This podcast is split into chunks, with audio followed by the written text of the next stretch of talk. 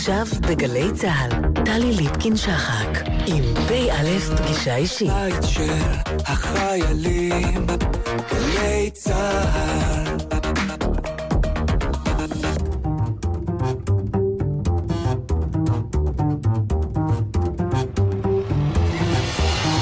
כמה דברים שאתם צריכים לדעת על האלוף יעקב קובי ברק, מפקד זרוע היבשה.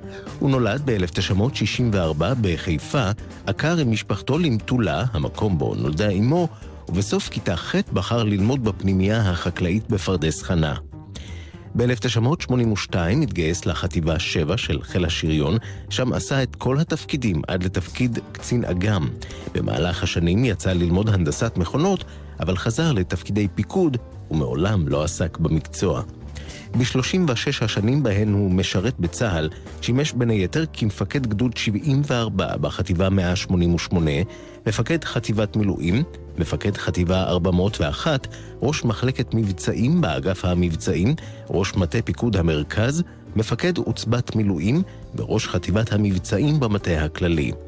בשנת 2012 הועלה לדרגת אלוף והתמנה ראש אגף הטכנולוגיה והלוגיסטיקה, תפקיד אותו מילא ארבע שנים עד שקיבל את הפיקוד על זרוע היבשה והוביל את השינוי המבני המכפיף לזרוע היבשה את אגף הטכנולוגיה והלוגיסטיקה כמו גם גופים ומערכים נוספים. לאלוף קובי ברק, תואר ראשון בהנדסת מכונות מאוניברסיטת בן גוריון, ותואר שני במדעי המדינה מאוניברסיטת חיפה. הוא נשוי לאורית, אב לשלושה, ומתגורר במרחביה.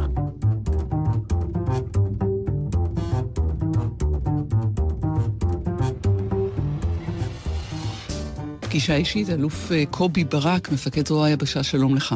שלום. אנחנו נפגשים 45 שנה לסיום אה, מלחמת אה, יום הכיפורים, להפסקת האש, 26 באוקטובר למעשה בסיני, ברמת הגולן או בחזית הצפונית, זה נמשך עוד הרבה מעבר לזה. אתה היית בן uh, תשע, בכיתה ד', כשהמלחמה פרצה. מה, מה אתה זוכר? הרבה זיכרונות אין לי משם. יש זיכרון אחד שאני זוכר אותו היטב, זה האזעקה והירידה למקלט.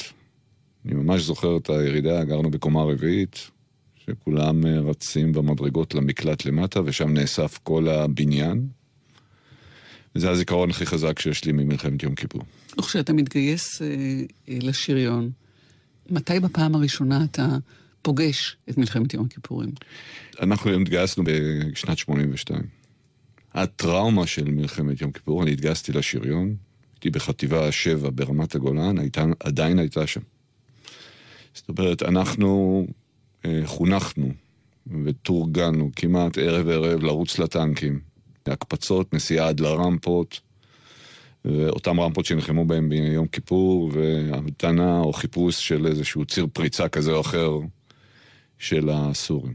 חלק מהתרבות הטנקאית, של הטנק מוכן תמיד, של מצבי אבטחה, אה, אני חושב היום שזה חלק מטראומת יום, אה, יום כיפור. זאת אומרת, אם מתג במחשב של הטנק לא היה בדיוק במקום הנכון, כל הצוות כנראה היה מרותק שבת, וזה עניין של כוננות ומוכנות.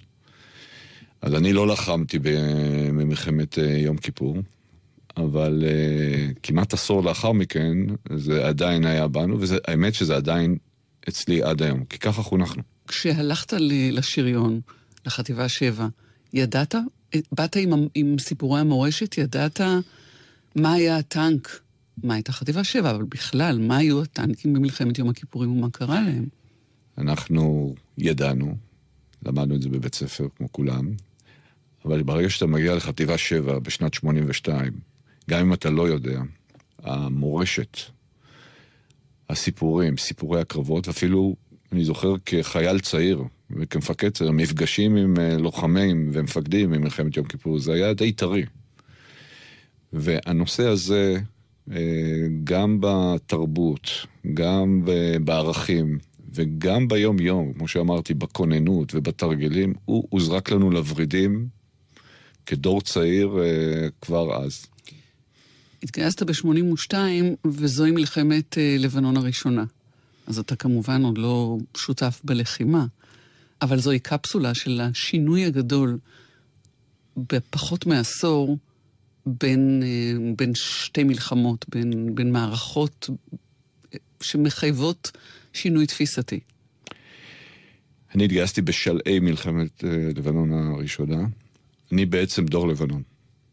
אני מאלה שהייתי בלבנון מחייל ועד uh, תפקיד המג"ד, כמעט 18 שנים, בתפקידים שונים, מתפיסת המוצבים בסוף המלחמה, סולטן יעקב, ולאחר מכן uh, ההיערכות על קו רצועת הביטחון.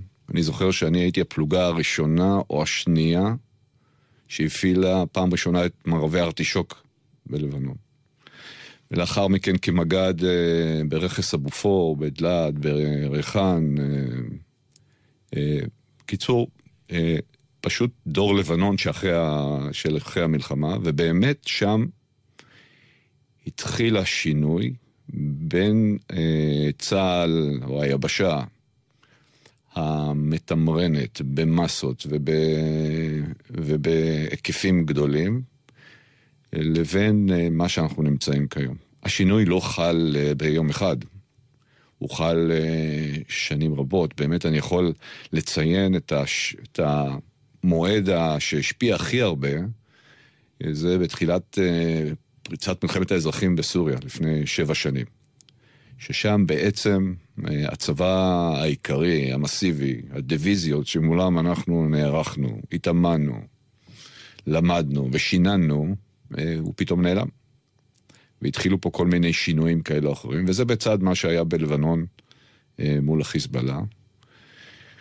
ושם בעצם השינוי הזה קרה. דרך אגב, השינוי הזה הוא איננו רק שינוי בצה"ל, הוא שינוי גלובלי כמעט. אה, אם בוחנים את העימותים לאורך ה-20-30 שנים האחרונות בעולם, הקרבות שריון, שין בשין, אה, הלכו והתמעטו, והקרבות או הלחימה מול ארגונים אה, שהם סמי צבאיים, סמי גרילה, גרילה, הלכו והתרבו. אני יכול להגיד לך שאם עכשיו מסתכלים על זה היטב, יכול להיות שאנחנו רואים כבר את התחילה של השינוי הבא. שהוא חזרה, כפי שההיסטוריה הרבה פעמים עושה, סיבוב וחוזרת לאותה נקודה פחות או יותר? הוא לא יחזור לאותה נקודה, אבל הוא סיבוב. הוא סיבוב. אה, מלחמת האזרחים בסוריה הולכת ונגמרת. צבא סוריה ישוקם, אני מניח, בשנים הקרובות, ואנחנו מסתכלים היטב מה קורה שם. האם הצבא הזה יוקם כמו הצבא של 73, עם הטים למיניהם, טנקי ה-T למיניהם, וה-BMP, והחטיבות, והדיוויזיות, ופיתות הרקב? אני לא בטוח. אני מניח שיהיה פה שילוב של, זה, של דברים, שיחייב גם אותנו להתאים את תפיסת הלחימה שלנו, שהיא היום שונה לגמרי, שינינו אותה, אה, אל מול ההתרחשויות השונות, ואנחנו עם חצי עין לזה. השינויים שבונים כוח ומשנים תפיסת לחימה, זה לוקח זמן. ככה התרגלנו, זה לוקח עשורים. היום זה בהרבה יותר מהיר, החוכמה היא לזהות את השינוי, והחוכמה היא לבנות את הכוח שהוא יודע להגיב גם וגם. וזה אירוע אה, מאתגר מאוד, ואנחנו על המשימה הזאת כרגע. ואתה יושב אה, מולי, אלוף אה, קובי ברק, מפקד זרוע היבשה, פה באולפן ביפו, מדבר איתי אל המיקרופון, אבל אני תוהה אם הדברים מכוונים אל האלוף במילואים יצחק בריק. נציב קבילות החיילים, והדוח שלו מבקר באופן אה, חריף ביותר את אה, היכולת של צה"ל או את המידה אה, של צה"ל באתגר של, של אה, מוכנות למשימות הבאות. אני מיד אה, אחזור לבריק. הדברים שלי אבל מכוונים לא לבריק, הדברים שלי מכוונים קודם כל לעצמי, לצה"ל, כאחד שאמון על מערכת בניין הכוח של, ה... של היבשה. וזה תפקידנו, אה, בשביל זה אנחנו נמצאים שם, כדי לשלב ביחד את מה שסיפרתי לך על אה, מה אנחנו חווינו אחרי מלחמת יום כיפור, את כל השינויים של לבנון, אה, לא דיברנו פה על התקופה של האינתיפאדה הראשונה והשנייה וכל הלחימה ברצועת עזה, ואנחנו צריכים לראות שצה"ל מוכן. ולעניין בריק. שזה אותו עניין. ונזכיר שהאלוף במילואים יצחק בריק בא ממלחמת יום הכיפורים ומן הטראומה אני... שאתה לאחריה התגייסת, כמעט עשור אחר כך, אם אתה יכול להבין את, ה... את נקודת המבט של מי שהיה שם. אה, קודם כל, אנחנו גדלנו על מורשת הקרב של הקרב של האלוף בריק במלחמת יום כיפור. גדלנו על התעוזה, על uh, אומץ הלב והמנהיגות שהוא גילה, ולא סתם הוא קיבל את אחד האותות הגבוהים ביותר אחרי ה... uh, של המלחמה. אנחנו גם מבינים היטב, וראינו את זה לא רק במלחמת יום כיפור, ראינו גם את זה לקראת מלחמת לבנון השנייה, מה המשמעות של מוכנות, של ימ"חים, של אימונים, של אה, רמות מלאי וכל מה שקשור בזה. אה, אני לא עברתי את החוויה שבריק עבר במלחמת יום כיפור, אבל אני מספיק זמן בצבא ומספיק אה, נושא בתפקיד, אני חושב, באחריות, כדי להבין את הטראומה הזאת של צבא לא מוכן למלחמה. זאת אומרת, אנחנו מאוד מעריכים את בריק, אבל אנחנו לא צריכים את בריק כדי להבין את המשמעות של מה זה להיות מוכן. בריק, בדוח שלו, מייצר תמונת מצב שלטעמי היא לא תואמת את המציאות. היא לא לגמרי שונה מהמציאות, אבל היא לא תואמת את המציאות, בטח לא בשורות התחתונות שלה, של כל התהליך. בצה"ל בעשורים האחרונים, אני יכול להגיד בשניים, שלושה עשורים האחרונים, עקב השינויים שדיברנו עליהם רק רגע לפני, הייתה הסתה לא קטנה של משאבים אה, לכיוון יכולות אה, מודיעיניות ויכולות אוויריות, וטוב שכך. אני אומר את זה כמפקד זרוע היבשה, כאלוף במטה הכללי. יכולות היום שיש בצה"ל, בתחומים האלה, המודיעין שיש לנו ויכולת התקיפה המדויקת שלנו במקומות שונים, היא מאוד מאוד חשובה לביטחון ישראל, להרתעה שלנו מול אויבינו וליכולות שלנו במלחמה. יחד עם זאת, אני חושב שהיכולת של צה"ל, של היבשה, לתמרן לעומק שטח האויב, זאת תעודת הביטוח של מדינת ישראל. אני פשוט מאמין בזה. למרות שעידן המלחמות הגדולות, אמרנו שההיסטוריה חוזרת על עצמה, הוא כרגע לא פה, אבל הוא יכול לקרות. אני חושב שגם כשאני מסתכל על העתיד הקרוב, לדעתי האישית, ההחלטה על תמרון אה, בצורה רחבה, בצורה מהירה, היא תהיה מהירה יותר, או מוחלטת יותר מהחלטות שהתבצעו במבצעים האחרונים בעשור האחרון. מסיבות שונות. גם מסיבות של מה שהאויב מחזיק בידו באיום על עורף מדינת ישראל, על אתגרים גדלים יותר על חיל האוויר במרחב, לאו דווקא בגלל אויב, אלא בגלל מעצמות נוספות שנמצאות פה וכולי. התמרון יידרש. אם רוצים את התמרון הזה, צריך להשקיע בו, ובתר"ש האחרון, מאז שהרמטכ"ל הנוכחי אה, בתפקידו... שאנחנו היה... נגיד, זו התוכנית הרב-שנתית. התוכנית הרב-שנתית, כמובן, שנקראת תר"ש גדעון. היבשה, ביבשה הושקעו משאבים רבים. האם זה כל מה שצריך ביבשה? התשובה היא ממש לא. יצטרכו לפחות עוד שתי תוכניות רב-שנתיות, עתירות משאבים, כדי להביא את היבשה למה שאני חושב שיצטרכו להביא אותה. אבל בנקודת הזמן הזאת, אה, אני חושב שהצבא מוכן לעימות, יש עוד פערים, יש אפילו פערים בחלקם, בנושאים מסוימים פערים עמוקים, אבל כשאני משווה את המוכנות שלנו עכשיו למוכנות שלפני מלחמת לבנון השנייה, ואפילו המוכנות שלנו לפני שנתיים ושלוש, אנחנו במקום אחר לגמרי. יש לי גם אה, אה, ביקורת על הדוח, לאו דווקא על מה שכתוב, אלא על הצורה שבו הוא נאסף בצורה אנונימית אל מול אה, אנשים, ואני כרגע לא נכנס לזה אם זה תפקידו של בריק או לא תפקידו של בריק, אני מכבד אותו בתחום הזה. אולי אתה אפילו מודה לו על כך שהוא בא וטלטל את המערכת, אם אין מה להסתיר על אחת כמה וכמה, ואם יש מה לבדוק, אז טוב ש... שמישהו מצלצל בפעמונים. מערכת שאין עליה ביקורת היא מערכת לא טובה. גם ביקורת פנימית וגם ביקורת חיצונית. וצה"ל לא חף מביקורת, ואני לא חף באופן אישי מביקורת. יחד עם זאת שמעבירים ביקורת, הביקורת הזאת צריכה להיות מבוססת על אה, באמת נתונים ויכולת אמיתית להגיד זה לא טוב. בחלק מהדברים שאני רואה בדוח של בריק, לא בכולם, בחלק מהדברים שאני רואה בדוח, אני חושב שהדברים האלה הם אה, לא, לא אה, קשורים או לא מבוססים על מה שקורה באמת אה, בשטח. דבר שני שיש לי בעיה עם הדוח, שהוא אנונימי. שההוא אמר לזה וההוא אמר לזה, שאני מייצר את תמונת המצב של המוכנות, אני עושה את זה בעזרת אה, ביקורות ואני עושה את זה בעזרת סקרים. בריק מדבר למשל על uh, הרצון והמוטיבציה uh, לשרת, ואז, והמוטיבציה של הקצונה לחתום, ועל המוטיבציה של החיילים להישאר.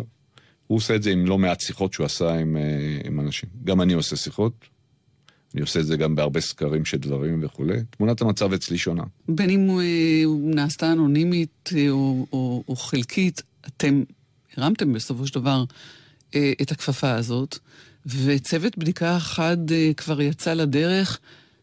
יומיים הוא היה באוגדת עידן? כן. זה מספיק? אה, כדי לקבל תמונת מצב על, על אוגדה, יומיים זה מספיק. ההחלטה על הביקורת הייתה החלטה משותפת של הרמטכ"ל ו, ושלי. וההחלטה הייתה לבדוק את מה, שאנ... האם מה שאנחנו אומרים בהקשר של הכשירות, הוא זה מה שקורה בשטח. ומאותו רגע, מכיוון שאנחנו רוצים שזה יהיה אמ- אמיתי וביקורת, ומבחינתי זה רק מסייע לי, בסופו של דבר, להציף את הדברים כמו שאני תמיד מציף אותם. אה, והצוות עכשיו זה יעבוד, והוא ישים את הנתונים שלו בסוף הבדיקה. אתנחתא, אלוף אה, קובי ברק, מפקד אה, זרוע יבשה. אתנחתא ראשונה מוזיקלית עם חיטה צומחת שוב. אני גר בעמק יזרעאל, והמילים על החיטה וצומחת, אני רואה את זה כל שנה. דבר שני, קיבוץ בית השיטה, 11 נופלים במלחמת אה, יום כיפור ביישוב קטן. אולי זה מייצג, אה, לא יודע אם הכי טוב, אבל מייצג בהחלט היטב את המלחמה הזאת ואת הסיפור של המשפחות שנמצאות מאחור. נשמע ונחזור.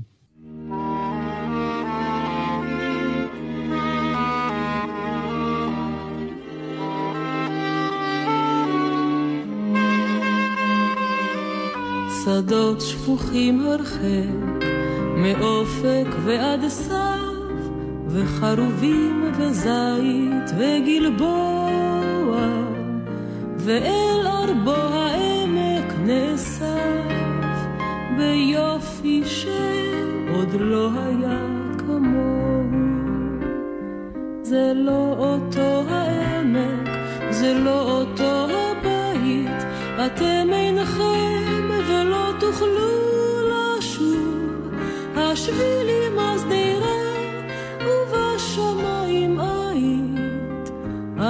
החיטה צומחת שוב. השבילים השדרה ובשמיים היית, אך החיטה צומחת שוב. מן העפר המר, העיריות עולות, ועל הדשא ילד החדר ויורדים לילות, על מה שבו ומה שבליבו. זה לא אותו העמק, זה לא אותו הבית, אתם אינכם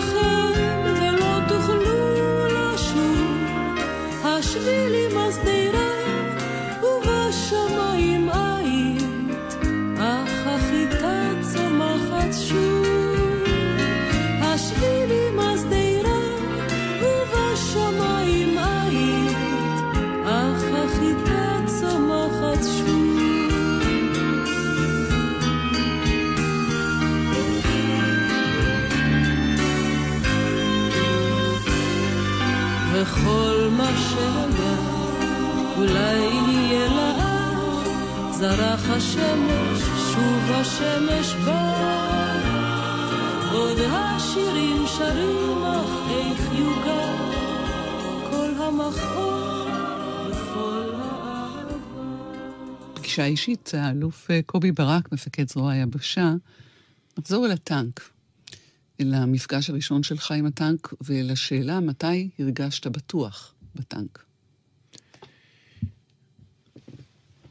אני בוגר הטנק המרכבה מסימן אחד ועד סימן ארבע. סימן אחד הייתי חייל, וכמח"ט 401 קלטתי את הסימן הארבע הראשון.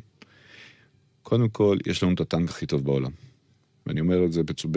אני גאה להגיד את הדבר הזה. מדינת ישראל מייצרת כלי שהוא לא רק קטלני, יש בו הרבה חשיבה גם על הנדסת אנוש וגם על הגנת הצוות. אה, לא רואים את זה בהרבה אה, תעשיות אחרות או בצבאות אחרים שעושים את זה בעצם. הדבר השני, הסיפורים על הטנק, הנפגע והפגיעות והנשרפים בתוך הטנק, אה, ליוו אותנו כל השנים, זה לא עבר, לא עבר לידינו. רק מי שנלחם בטנק מבין את עוצמת האש שיש בו, מבין את הניידות שלו, מבין את המיגון שיש לאנשי הצוות וההשפעה מאוד מאוד uh, חשובה ועיקרית שלו בשדה הקרב, מבין את העוצמה של הכלי. היום שנכנסים לטנק המרכבה סימן 4, הדגמים החדשים, באמת באמת זה כמו מסקר. עד כדי כך... מסקר זה מסוק קרב. מסוק קרב, כן. הרי במסוק קרב יש, אה, כל מי שמפעיל מסוק קרב זה קצינים. קצינים שעשו קורס טיס.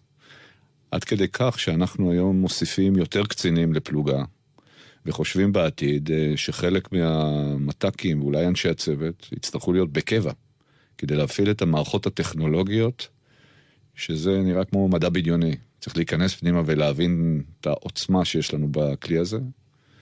אני גאה בכל כוחות היבשה, אבל אני גאה גם בשריון שממנו צמחתי וגדלתי.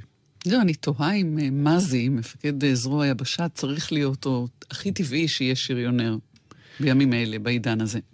מפקד זרוע היבשה צריך להיות אחד מהכוחות המתמרנים ביבשה, הוא צריך להיות מהשריון או מהחי"ר. אה, מכיוון שאלה שני החילות שבעצם מובילים את הקרב היבשתי, כמובן אני לא כרגע מתייחס לסיוע הקרבי, שזה הנדסה וארטילריה, וכמובן הלוגיסטיקה והתקשוב, והלחימה היבשתית היא בכלל רב-זרועית, אבל בקצה תמצא או מפקד שריון או מפקד אה, חי"ר, והוא צריך להיות מפקד הזרוע. ורק בשנים האחרונות אה, צמצמתם את אה, מצבת הטנקים של צה"ל, כדי שיהיו פחות אבל טובים יותר, או משום אותה חשיבה שאופיו של הקרב כך משתנה? אני חושב שגם וגם, אבל בעיקר הסיבה הראשונה.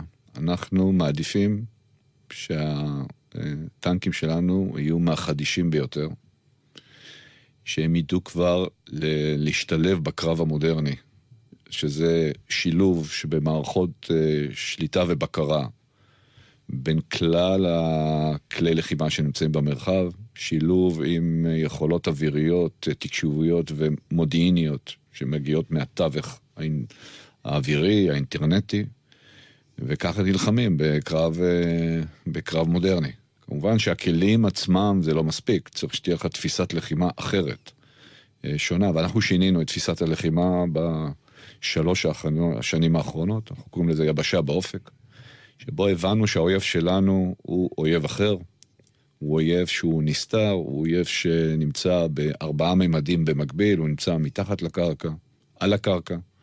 היום הוא גם נמצא ברום הקרוב לקרקע, אנחנו רואים את זה כרחפנים, אפילו כמל"טים אה, זעירים כאלו או אחרים שיש לאויב, והתחום הרביעי, האויב נמצא בסייבר.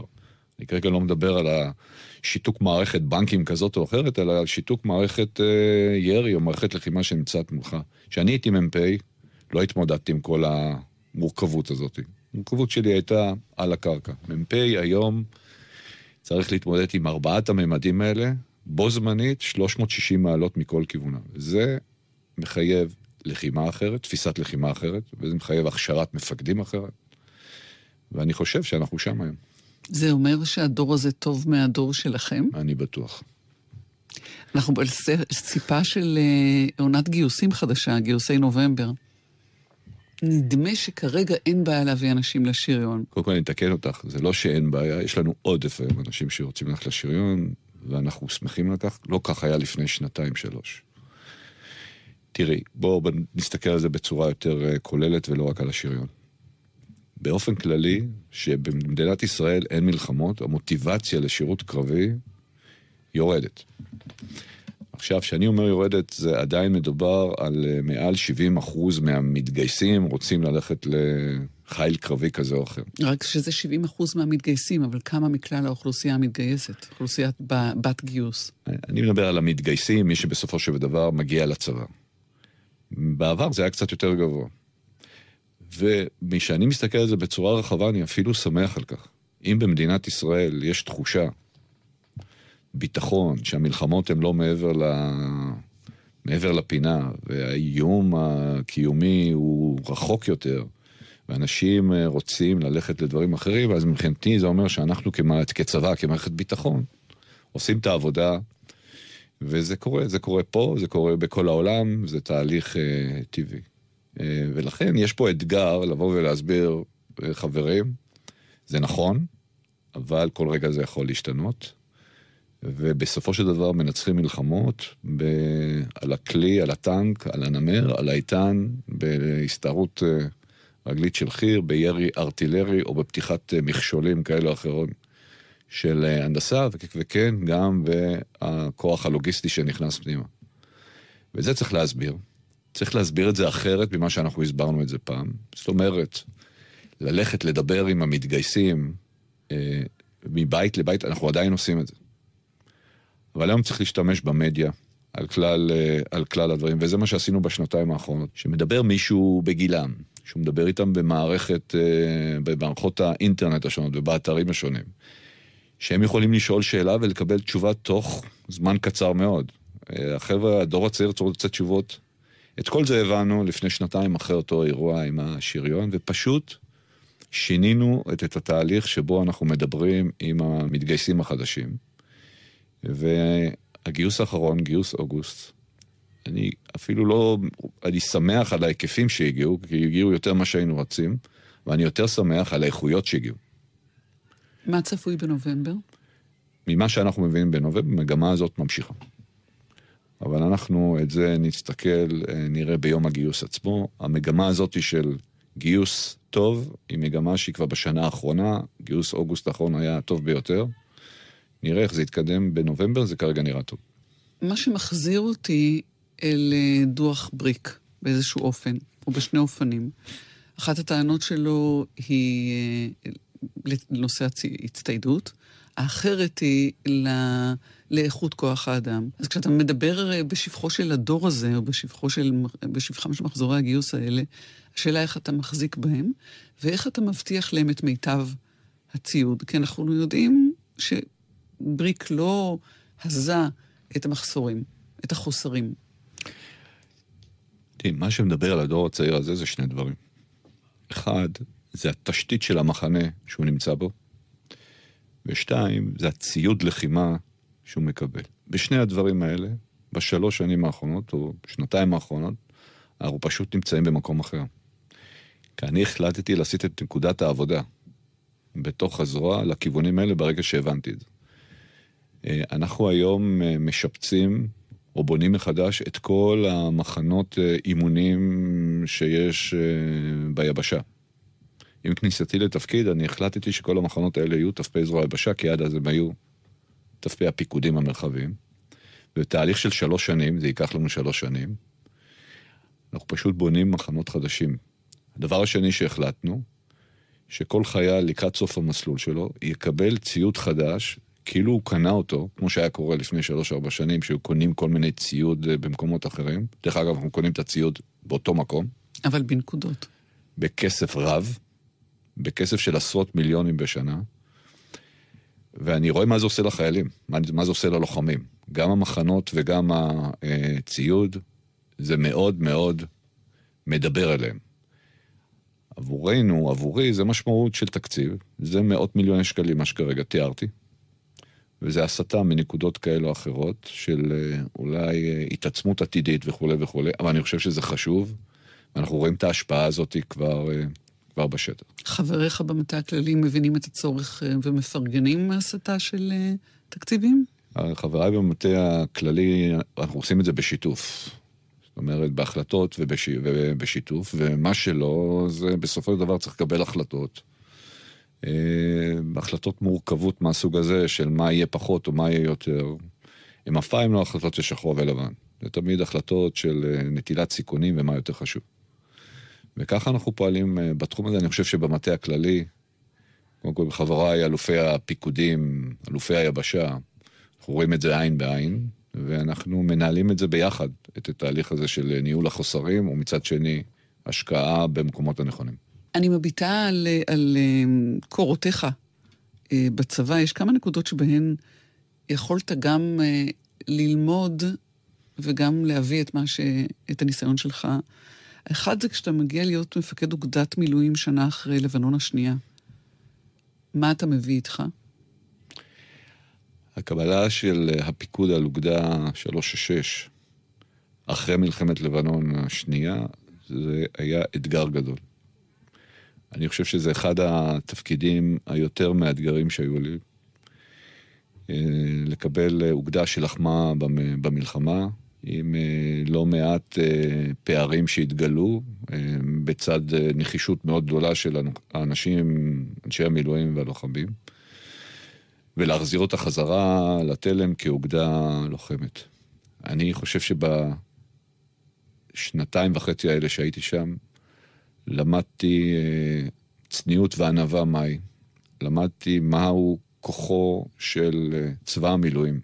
אנשים מדהימים, אין לי שום מילה אחרת לתאר את האנשים האלה. אה, ציונים אמיתיים, אנשים שחוו חוויות לא פשוטות במלחמה, ושמו את זה בצד, והתקדמו קדימה, בפרק זמן מהר מאוד, בזכותם. האוגדה חזרה למקום שהיא צריכה, אה, צריכה להיות. גם שם למדתי את המשמעות של המלחמה, של ההתכוננות למלחמה, של תהליכי אה, לחימה סדורים, על פי טול בצד אה, תחבולה ותהליכים אחרים. וזה היה תפקיד אה, בהחלט אה, מרתק. לקחת איתך אל התפקידים הבאים, בעיקר לראש אה, אט"ל, שזה אגף הטכנולוגיה והלוגיסטיקה. בוודאי למאזי, את, ה, את הזיכרון הזה? תראי, לפקד על יחידות מילואים, וזה מעבר שהקצינים הצעירים שלנו עוברים, גם אני עברתי, בין תפקידי המג"ד, ואחר כך מיד אתה הופך להיות uh, מפקד חטיבת מילואים, זה אירוע שאתה צריך לדעת שאתה לפקד אחרת. אני לקחתי הרבה מהדברים האלה, לא רק לשם, לפני זה הייתי ראש חטיבת המבצעים, והבנה מהו עולם המילואים ומה חשיבותו לצה"ל אה, ככלל ובטח ליבשה בפרט. ובתוך כך באת"ל, גם את"ל בנוי לא מעט אה, אנשי מילואים, אמנם לא לוחמים, אבל אנשים יקרים שמפעילים את המערכים הלוגיסטיים שעליהם צה"ל נשען בכל התהליכים, וכמובן זה היה איתי. בסופו של דבר הצבא, למלחמה, למבחן, בנוי על המילואים.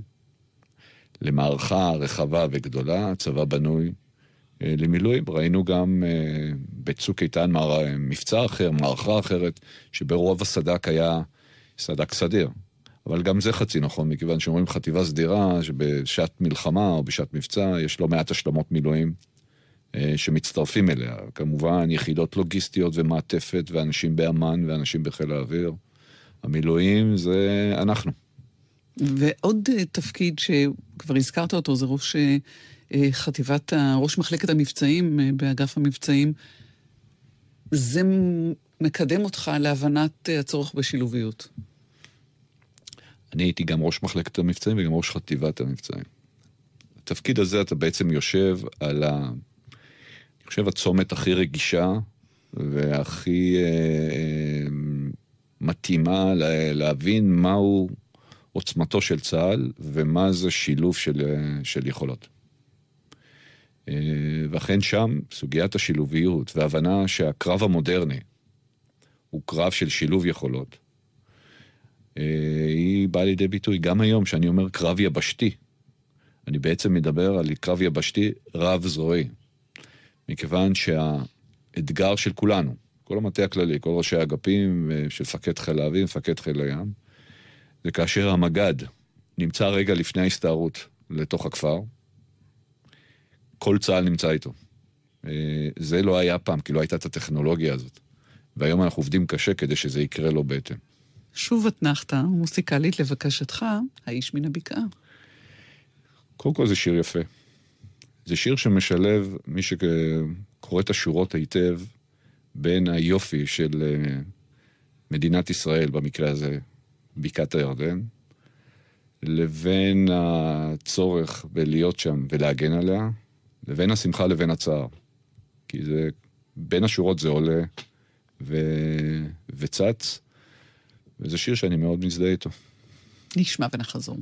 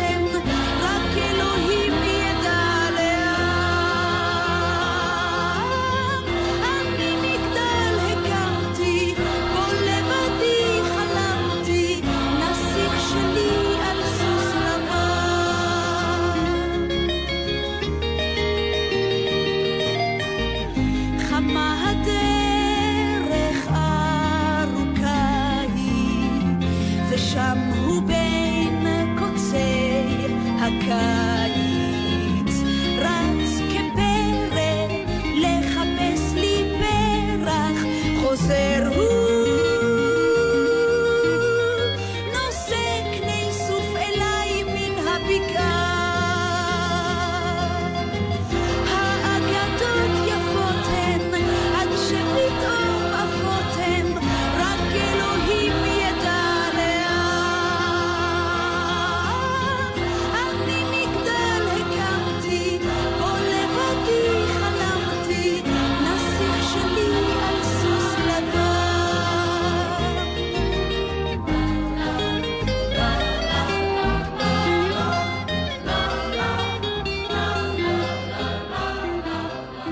אישית, האלוף אה, קובי ברק, מפקד זרוע היבשה, הבקעה, אהבת הארץ, יופייה, מטולה.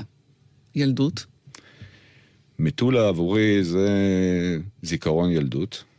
אה, הוריי עברו לשם אה, כאשר הייתי לקראת סוף בית ספר היסודי. אימא שלך משם. הכרתי את מטולה שנים אה, אה, רבות, וכל קיץ כמעט הייתי עולה וכותב את התפוחים ומוביל את המכלים לקירור, אבל באיזשהו שלב הם עברו, והשינוי עבורי היה עוד יותר גדול.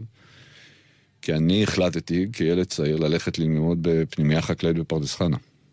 היום שאני מסתכל על זה אחורה, אני חושב שההחלטה הזאת בעצם עיצבה את אה, דמותי כמו שהיא היום, החברים שיש לי משם, השינוי באישיות שנוצר לך, שבעצם מוביל אותך ליחידות קרביות, לפיקוד. אני חושב שזה משם. אז בית ספר חקלאי פרדס חנה היה כמו כדורי וכמו אחרים, שם היו כל uh, בני המושבות. מגיעים ולומדים שם. אני מהר מאוד החלפתי את uh, ספסל הלימודים לספסל הטרקטור, כי ככה היינו שם uh, כל היום יוצאים לחרוש uh, ולקטוף ולעשות דברים. הייתי צריך לעבוד קשה אחרי הלימודים להשלמת הבגרות, ובסוף למדתי הנדסה, אבל אני בכלל אה, לא מצטער על אותם אה, שנים אה, חווייתיות שהיו לי אז אה, אה, כנער מתבגר. ולא הייתה לך תוכנית אה, מוקדמת אה, להיות איש צבא, כפי שאתה. מתאר את הימים ההם. אני חושב שאני, אני חושב שהתגייסתי, הבנתי שאני רוצה, אם ירצו אותי, להיות לפחות מ"פ. אה, ואחר כך זה התגלגל עד היום. ועל הטרקטור, כשנסעת, היה לך רישיון נהיגה על טרקטור? היה לי רישיון נהיגה. אני שואלת כי חלק מה...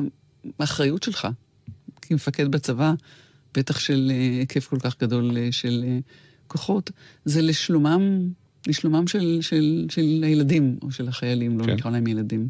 צה"ל היא המערכת המורכבת ביותר מבחינת אה, בטיחות, אה, מכיוון שעוסקים פה ב, לא רק בנהיגה, מפעילים נשק, אה, נשק, מפעילים מערכות מתפוצצות, יורות, נוסעים בלילה בדרך לא דרך. לצערי, מדי פעם קורות לנו תאונות, תאונות קטלניות.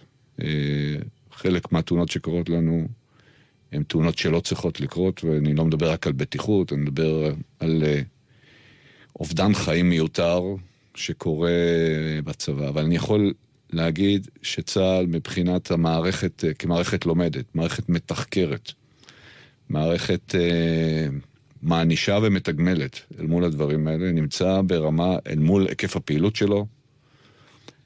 אה, כל תאונה בפני עצמה היא תאונה וכל אובדן הוא אובדן, אבל בסך הכל אנחנו נמצאים במקום אה, מצוין.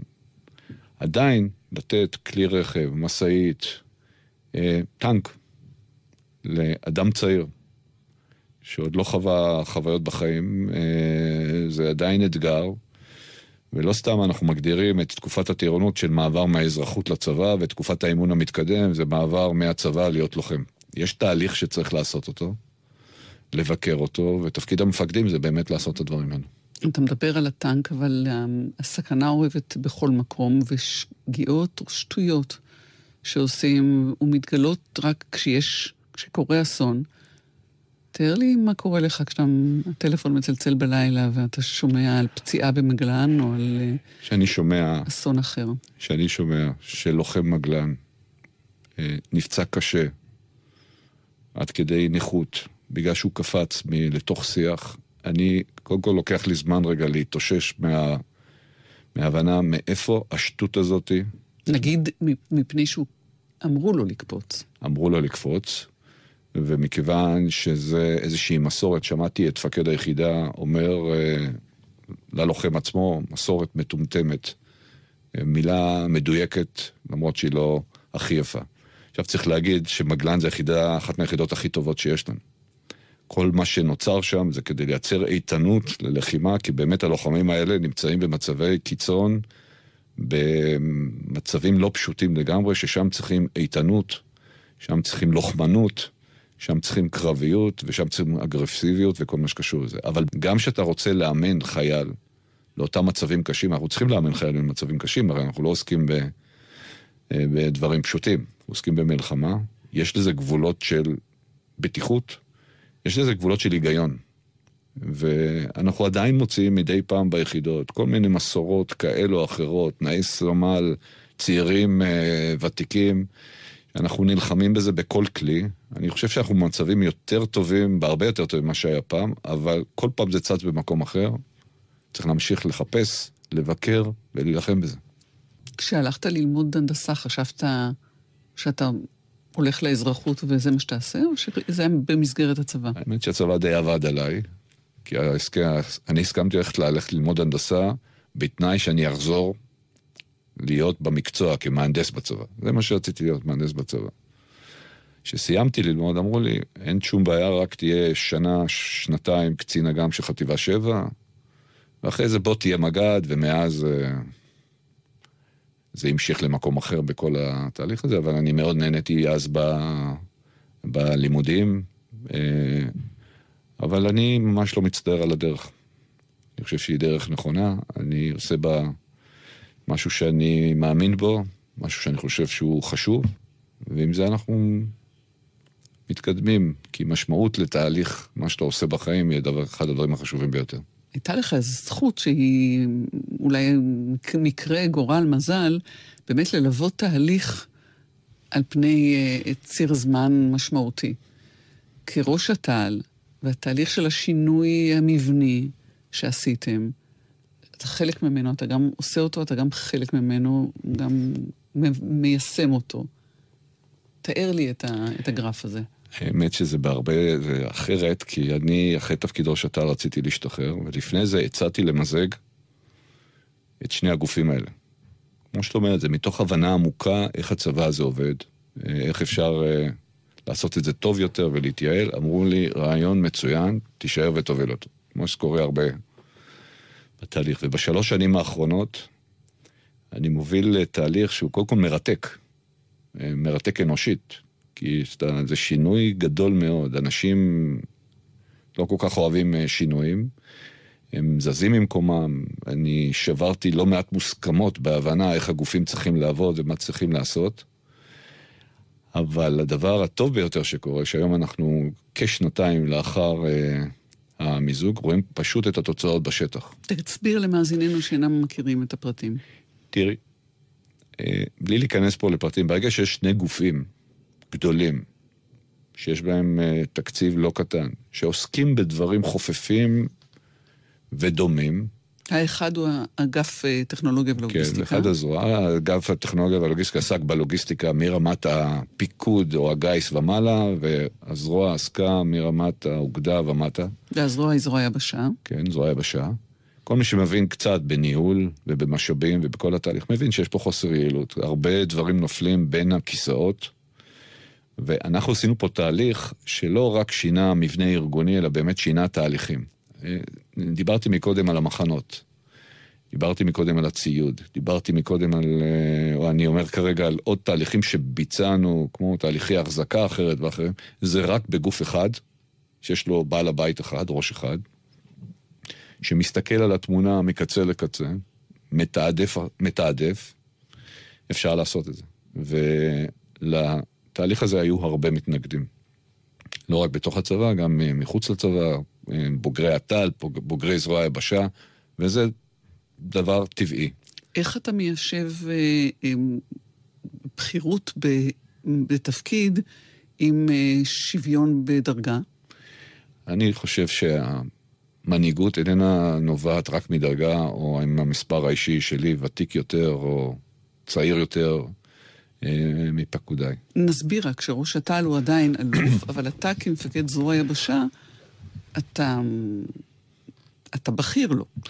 תחת הפיקוד שלי נמצאים שני גופים גדולים, אחד זה אגף הטכנולוגיה והלוגיסטיקה שבראשו עומד אה, אלוף, והשני זה בבית הספר לפיקוד ושליטה, שגם בראשו עומד אה, אה, אלוף.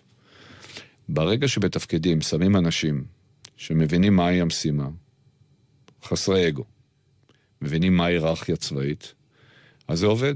זה, הייתי, לי הייתה את הזכות אה, לעבוד גם שני האלופים הקודמים, שהם עכשיו כבר לא בתפקידים האלה, עם אה, אה, אהרון, שהוא היום אה, אהרון חליבה, ויש לי היום את הזכות לפקד גם על איציק תורג'מן כראש אט"ל ומוטי ברוך כמפקד בית ספר לפוש.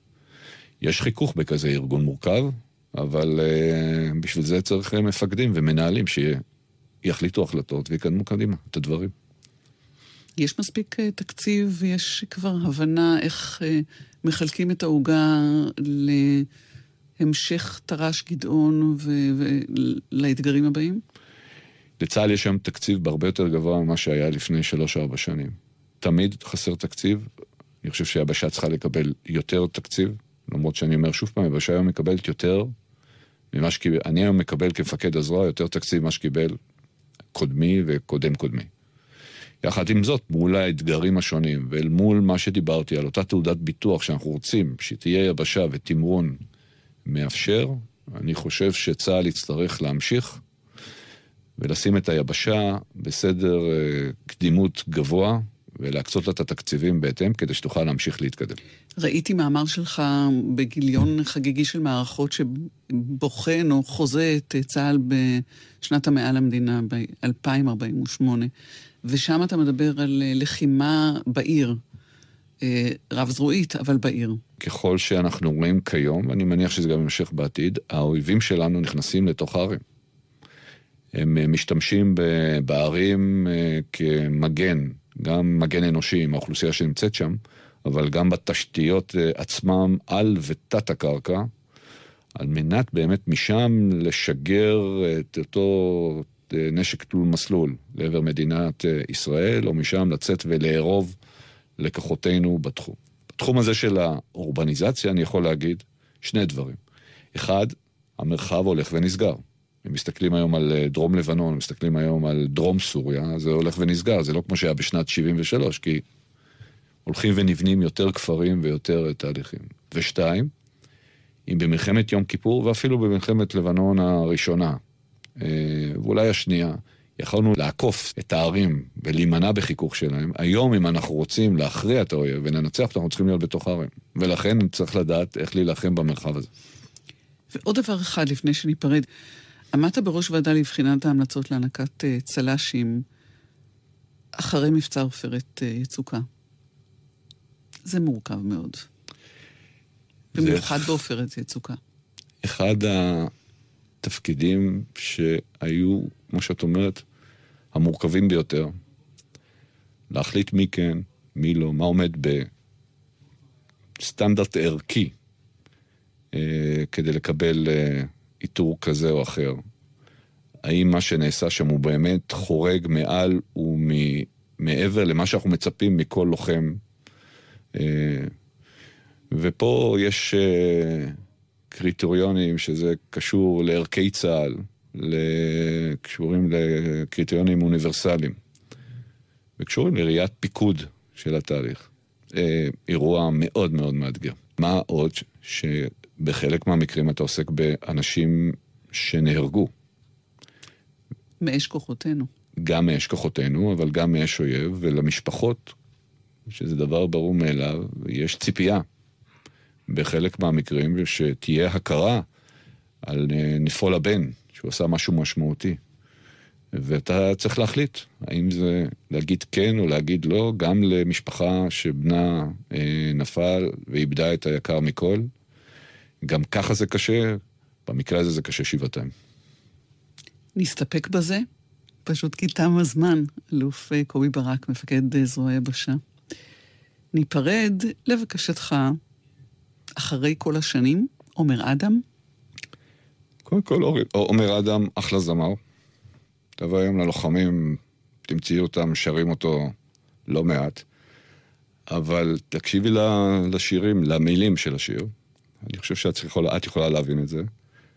מדובר שם על בת הזוג, ואני בחזית שנים רבות, היא מאחור האלופה האמיתית. וזה מוקדש לה.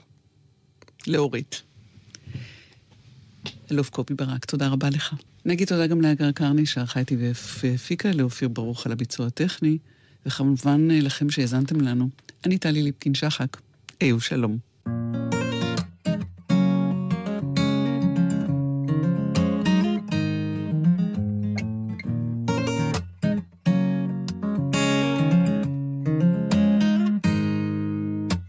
אחרי כל השנים איתך, רציתי להגיד לך, אוהב אותך הרבה יותר מכל מה שנדמה לך. אפשר לראות אצלי זאת בעיניים, בחיי. אני אוהב אותך יותר מדי ממך למדתי איך לקום וגם לסלוח על מה להתעקש וגם את מה כדאי לשכוח גם בימים קשים שכבר נשברתי בחיי מעולם לא ויתרת עליי. אני מתבונן בך, כל מה שיש בך, ניצחת את הכל. פתאום זה מכה בי, כל מה שיש בי זו את בגדול. אחרי כל השנים איתך, עכשיו אני מבין, הפכת אותי אדם יותר טוב. ולך ליבי מוקיר תודה, תמיד תהי לי יחידה. עד סוף ימיי אתן לך הכל, אני אתן לך הכל.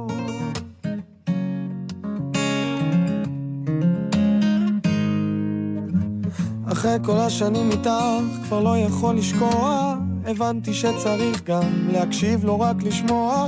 את כמו משב קריר שמנחם ביום שרב.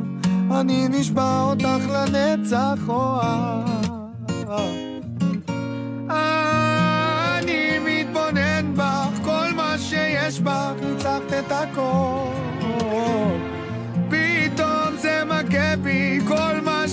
שיש בי זו את בגדול. אחרי כל השנים איתך עכשיו אני מבין, הפכת אותי אדם יותר טוב. ולך ליבי מוקיר תודה, תמיד תהי לי יחידה, עד סוף ימיי אתן לך הכל, אני אתן לך הכל.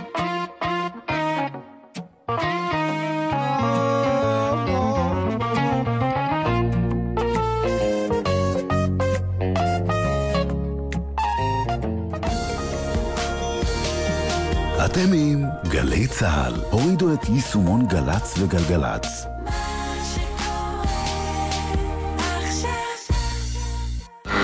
מכונית פרטית פגעה בשלושה אופנוענים. הנהג סטה בחדות לנתיב השמאלי ופגע ברוכבים שנסעו סמוך לשוליים. על פי נתוני הרלב"ד, עלול להיהרג רוכב אופנוע בכל שבוע.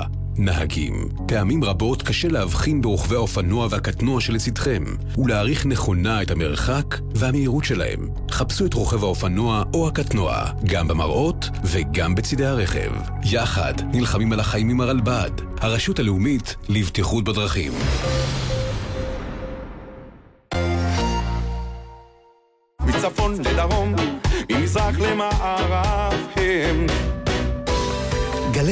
בסיקור מיוחד, עידן קבלר עם הסיפורים, האנשים וכל מה שצריך לדעת רגע לפני הבחירות לרשויות המקומיות. ראשון ושני, שתיים בצהריים, גלי צה"ל. מיד אחרי החדשות, תוכנית מציאות.